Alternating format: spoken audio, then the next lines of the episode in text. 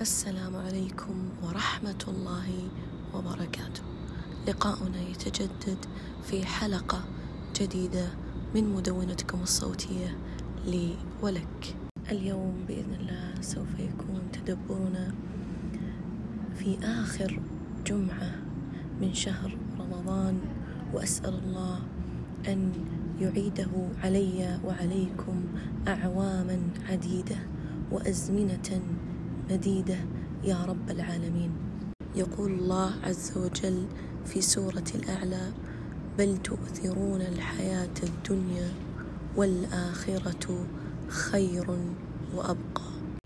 قال ملك الموت لنوح عليه السلام فكيف وجدت الدنيا؟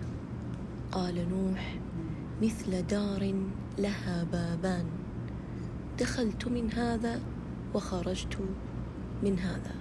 وهذا إن دل دل على أن الدنيا قصيرة رغم أن نبينا نوح عليه السلام أطول منا عمرا بل نحن لربما الربع من عمره فقط. رغم ذلك يراها قصيرة. وأما نحن الآن فكيف نراها؟ كلمح البصر. إلى درجة أن نبينا نوح عليه السلام ذكر أنه ذكر أنه بنى بيتا من قصب فقيل له لو بنيت غير هذا؟ فقال هذا كثير لمن يموت. كان عليه الصلاة والسلام يعلم أن ديدا المؤمن العاقل أن يقدم الباقي على الذاهب أن يقدم الأثمن على الأرخص.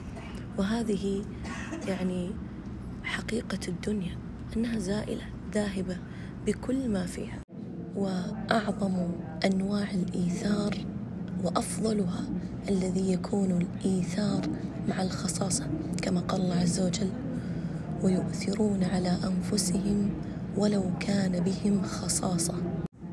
كما ذكر ابن تيمية رحمه الله وأما الإيثار مع الخصاصة فهو أكمل من مجرد التصدق مع المحبة فإنه ليس كل متصدق محبا مؤثرا ولا كل متصدق يكون به خصاصة بل قد يتصدق بما يحب مع اكتفائه ببعضه مع محبة لا تبلغ به الخصاصة.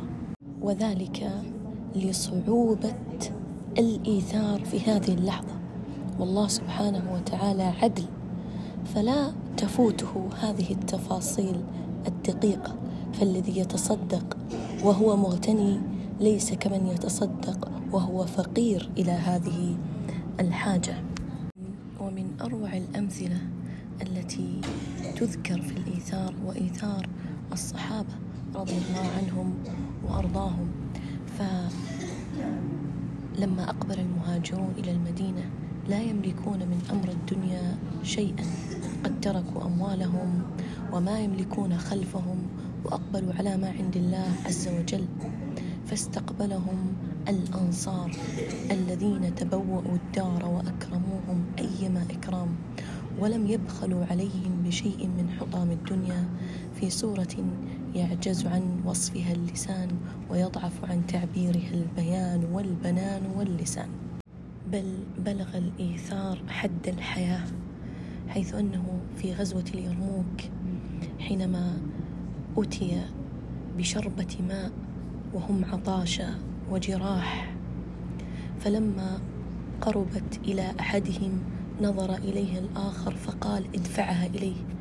فلما دفعت إليه نظر إليه الآخر فقال ادفعها إليه فتدافعوها كلهم من واحد إلى واحد حتى ماتوا جميعا ولم يشربها أحد منهم رضي الله عنهم أجمعين. أيضا إيثار أمنا عائشة رضي الله عنها وأرضاها حينما طعن أمير المؤمنين عمر بن الخطاب رضي الله عنه قال لابنه عبد الله اذهب إلى أم المؤمنين.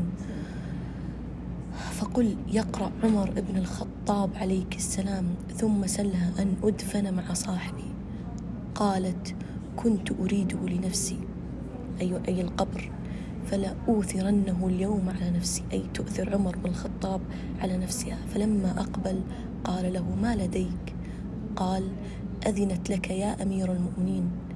فقال ما كان شيء أهم إلي من ذلك المضجع فإذا قبضت فاحملوني ثم سلموا ثم قل يستأذن عمر بن الخطاب فإن أذنت لي فادفنوني وإلا فردوني إلى مقابر إلى مقابر المسلمين. فكل هؤلاء كل هذه آه، التضحيات هي من أجل الله عز وجل ورضاه. ومن أجل الآخرة وأن نضمن أنفسنا فالدنيا ليست دار ضمان.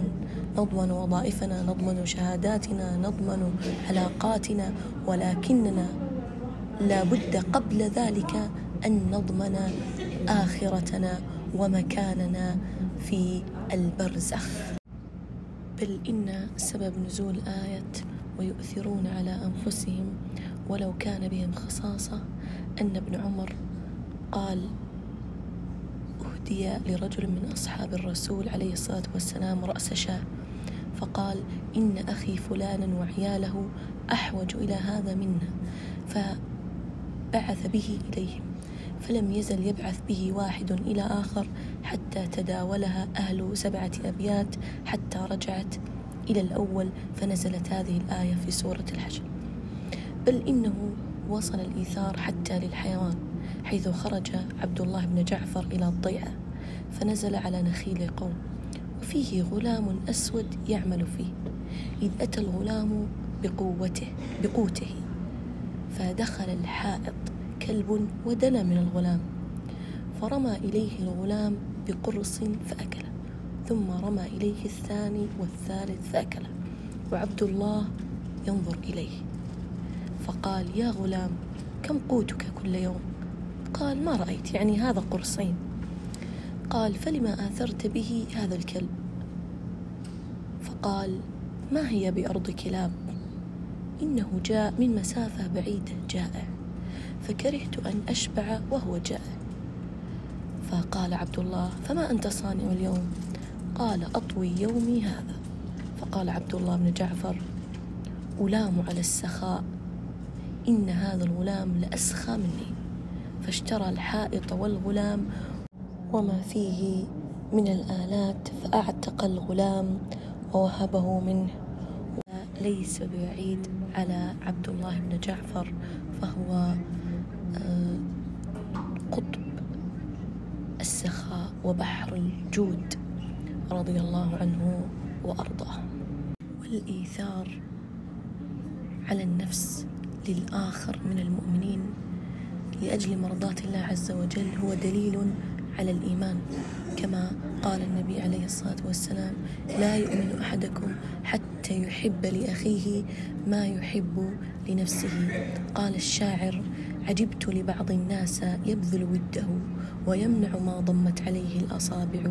إذا أنا أعطيت الخليل مودتي فليس لمالي بعد ذلك مانع. وقال آخر من كان للخير مناعا فليس له عند الحقيقة إخوان وأخدان. وختاما نصيحتي بين الحينة والأخرى يجب أن تبذلوا مما تحتاجونه وليس مما تحبونه لأن ذلك أرفع. وأعتذر إن كان المونتاج في هذه الحلقة به خلل وذلك لأني في مكان عام. ولن تنسوني من صالح دعائكم والسلام عليكم ورحمة الله وبركاته.